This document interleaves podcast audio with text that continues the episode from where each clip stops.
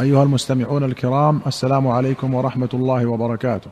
في باب فضل الأمكنة أخرج مسلم رحمه الله عن سعد بن أبي وقاص رضي الله عنه أن النبي صلى الله عليه وسلم قال: إني أحرم ما بين لابتي المدينة أن يقطع عظاهها أو يقتل صيدها. وقال: المدينة خير لهم لو كانوا يعلمون. لا يدعها أحد رغبة عنها إلا أبدل الله فيها من هو خير منه. ولا يثبت أحد على لأوائها وجهدها إلا كنت له شفيعا أو شهيدا يوم القيامة. زاد في رواية ولا يريد أحد أهل المدينة بسوء إلا أذابه الله في النار ذوب الرصاص أو ذوب الملح في الماء. وفي أخرى سمعت رسول الله صلى الله عليه وسلم يقول لا يكيد لأهل المدينة أحد إلا ماع كما ينماع الملح في الماء. وفي أخرى أن سعدا ركب إلى قصره بالعقيق فوجد عبدا يقطع شجرا أو يخبطه فسلبه. فلما رجع سعد جاءه أهل العبد فكلموه أن يرد على غلامهم أو عليهم ما أخذ من غلامهم. فقال معاذ الله أن أرد شيئا نفلنيه رسول الله صلى الله عليه وسلم وأبى أن يرده عليهم. ولمسلم عن جابر إن إبراهيم حرم مكة وأني حرمت المدينة. ما بين لابتيها لا يقطع عظاهها ولا يصاد صيدها. العظاه كل شجر يعظم وله شوك كالطلح والسدر وقوله سلبه أي أخذ ثيابه وما معه إلا ما يستر عورته. وقوله نفلنيه أي أعطانيه نفلا زيادة عن نصيبي من الغنيمة. قال ابن قدامة يحرم صيد المدينة وقطع شجرها وبه قال أكثر أهل العلم.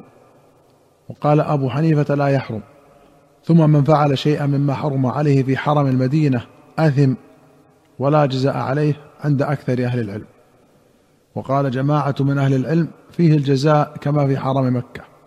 وقيل الجزاء في حرم المدينة أخذ السلب لحديث سعد هذا والله أعلم. وقال المهلب المنهي عنه هو القطع الذي يحصل به الإفساد. فأما من يقصد الإصلاح فلا. وقيل النهي عما أنبته الله من الشجر مما لا صنع للآدمي فيه كما في شجر مكة. ويجوز أخذ العلف لحديث أبي سعيد الآتي ولا يخبط فيها شجرة إلا لعلف. وأخرج الشيخان عن عبد الله بن زيد المازني رضي الله عنه أنه سمع رسول الله صلى الله عليه وسلم يقول إن إبراهيم حرم مكة ودعا لها وفي رواية ودعا لأهلها وإني حرمت المدينة كما حرم إبراهيم مكة وإني دعوت في صاعها ومدها بمثلي ما دعا به إبراهيم لأهل مكة. وأخرج الشيخان عن أنس رضي الله عنه أن رسول الله صلى الله عليه وسلم قال اللهم اجعل بالمدينة ضعفي ما جعلت بمكة من البركة. اللهم بارك لهم في مكيالهم وبارك لهم في صاعهم وبارك لهم في مدهم. وفي رواية قال أقبلنا مع النبي صلى الله عليه وسلم حتى إذا أشرفنا على المدينة. قال هذا أحد جبل يحبنا ونحبه وفي أخرى إن أحدا جبل يحبنا ونحبه. ولمسلم عن عاصم بن سليمان الأحول قال قلت لأنس أحرم رسول الله صلى الله عليه وسلم المدينة قال نعم ما بين كذا إلى كذا. قال لي هذه شديدة من احدث فيها حدثا فعليه لعنة الله والملائكة والناس أجمعين. لا يقبل الله منه يوم القيامة صرفا ولا عدلا. وفي أخرى له قال سألت انسا أحرم رسول الله صلى الله عليه وسلم المدينة؟ قال نعم هي حرام لا يختلى خلاها. فمن فعل ذلك فعليه لعنة الله والملائكة والناس أجمعين. وأخرج مسلم عن أبي هريرة رضي الله عنه قال كان الناس إذا رأوا أول الثمر جاءوا به إلى النبي صلى الله عليه وسلم. فإذا أخذه رسول الله صلى الله عليه وسلم قال اللهم بارك لنا في ثمرنا وبارك لنا في مدينتنا وبارك لنا في صاعنا وبارك لنا في مدنا. اللهم إن إبراهيم عبدك وخليلك ونبيك وإني عبدك ونبيك. وإنه دعاك لمكة وإني أدعوك للمدينة بمثل ما دعاك لمكة ومثله معه. قال ثم يدعو أصغر وليد له فيعطيه ذلك الثمر. وفي رواية كان صلى الله عليه وسلم يؤتى بأول الثمر. فيقول اللهم بارك لنا في مدينتنا وفي ثمارنا وفي مدنا وفي صاعنا بركة مع بركة. ثم يعطيه أصغر من يحضر من الولدان. وأخرج مسلم عن أنس رضي الله عنه أن النبي صلى الله عليه وسلم كان إذا قدم من سفر فنظر إلى جدرات المدينة أوضع راحلته وإن كان على دابة حركها من حبها أي حب المدينة. قوله جدرات هو جمع جدر والجدر جمع جدار والإيضاع سرعة مع هرولة يقال وضعت الراحلة وأوضعها راكبها أي أسرع بها. وأخرج مسلم عن أبي سعيد مولى المهري أنه أصابهم بالمدينة جهد وشدة وأنه أتى أبا سعيد الخدري فقال له إني كثير العيال وقد أصابتنا شدة فأردت أن أنقل عيالي إلى بعض الريف. فقال أبو سعيد لا تفعل إلزم المدينة. فإنا خرجنا مع رسول الله صلى الله عليه وسلم أظن أنه قال حتى قدمنا عسفان. فأقمنا بها ليالي فقال الناس والله ما نحن هاهنا في شيء وإن عيالنا لخلوف ما نأمن عليهم. فبلغ ذلك النبي صلى الله عليه وسلم. فقال ما هذا الذي بلغني من حديثكم؟ والذي نفسي بيده لقد هممت أو إن شئتم لا أدري. أيتهما قال لآمرن بناقتي فترحل ثم لا أحل لها عقدة حتى أقدم المدينة.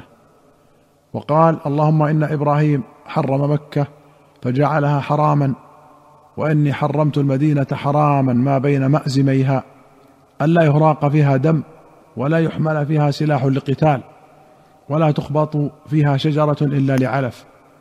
اللهم بارك لنا في صاعنا اللهم بارك لنا في مدنا اللهم بارك لنا في مدينتنا اللهم اجعل مع البركة بركتين والذي نفسي بيده ما من المدينة شعب ولا نقب إلا عليه ملكان يحرسانها حتى تقدموا إليها. ثم قال للناس ارتحلوا فارتحلنا. فأقبلنا إلى المدينة. فوالذي نحلف به. ما وضعنا رحالنا حين دخلنا المدينة حتى أغار علينا بنو عبد الله بن غطفان. وما يهيجهم قبل ذلك شيء. وفي رواية أنه جاء إلى أبي سعيد ليالي الحرة فاستشاره في الجلاء من المدينة وشكى إليه أسعارها وكثرة عياله. وأخبره الا صبر له على جهد المدينة ولأوائها. فقال له ويحك لا آمرك بذلك. إني سمعت رسول الله صلى الله عليه وسلم يقول لا يصبر أحد على لأوائها فيموت إلا كنت له شفيعا أو شهيدا يوم القيامة إذا كان مسلما. الريف الأرض التي بها زرع وخصب وقوله عيالنا خلوف أي قد خلفناهم فليس عندهم رجال ولا من يحميهم. والشعب والنقب الطريق في الجبل أو بين الجبلين وقوله مأزميها أي جبليها. قال النووي فيه بيان فضيلة المدينة وحراستها في زمنه صلى الله عليه وسلم. وقوله فما وضعنا رحالنا حتى أغاروا علينا معناه أن المدينة كانت محمية محروسة في حال غيبتهم فلم يأتها بنو غطفان حتى وصلها رسول الله صلى الله عليه وسلم وأصحابه. رضي الله عنهم. وما يهيجهم قبل ذلك شيء. أي لم يكن شيء يمنعهم من الإغارة عليها قبل قدومنا إلا حراسة الملائكة كما أخبر النبي صلى الله عليه وسلم. أيها المستمعون الكرام إلى هنا نأتي إلى نهاية هذه الحلقة. حتى نلقاكم في حلقة قادمة إن شاء الله. نستودعكم الله. والسلام عليكم ورحمة الله وبركاته.